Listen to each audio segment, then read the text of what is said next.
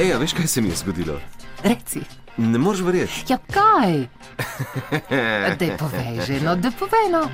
Monika ljubiteljsko vodi in režira otroške gledališke igre. In po eni od uspešno odigranih predstav je skupini igralcev privoščila neke vrste zahvalo. Zdaj, da pre, za predstavo mi nismo nič računali, bila je brezplačna, ampak se mi je vseeno zdel vredno, da te mlade, 20 nas je bilo, no, mislim, 20 je bilo teh mladih, da jih peljem tako na eno pico, pa da se mal poveselimo. No. Živahna mladina, stara od 9 do 15 let. Jaz sem se odločila, poklicala eno pač tako gostilnico, kamor smo tako že šli kdaj na kakšno pico in tam mi ta gospa na takarca sporoči, da v bistvu lahko si prvošijo še prostor za nas, no, ampak na drugi strani tega objekta gostinskega bo pa ravno v tistem času praznovanje 50-letnice, se pravi, v bistvu bo zelo zasedeno, pa ne, pač uh, morali se bomo malo stisniti in tako naprej. No, in pač jaz sem rekla, ja, v redu, ne, to je bil to edini termin, ki smo se res lahko uskladili. Monika torej pripelje to skupino mladih v restauracijo, kjer je bilo vzdušje precej živahno, že zaradi zasedenosti prostora.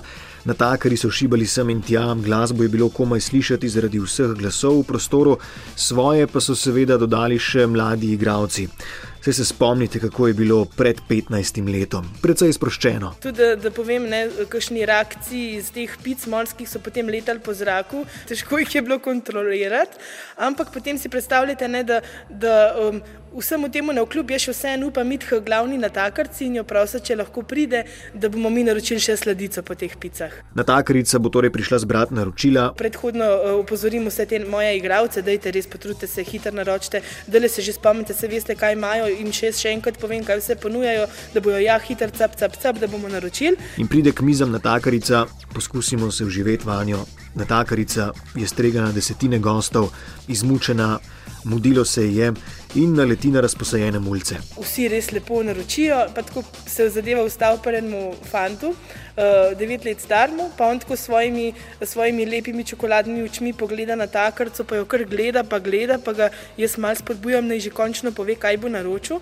In pol on tako pogleda, pa reče: Devetletnik. Jaz sem pa 30 kep sladoleda.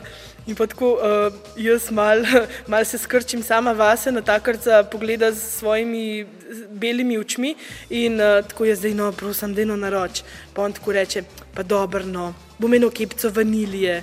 Pa ona tako že napiše lepo kepco vanilije, pa on tako začne.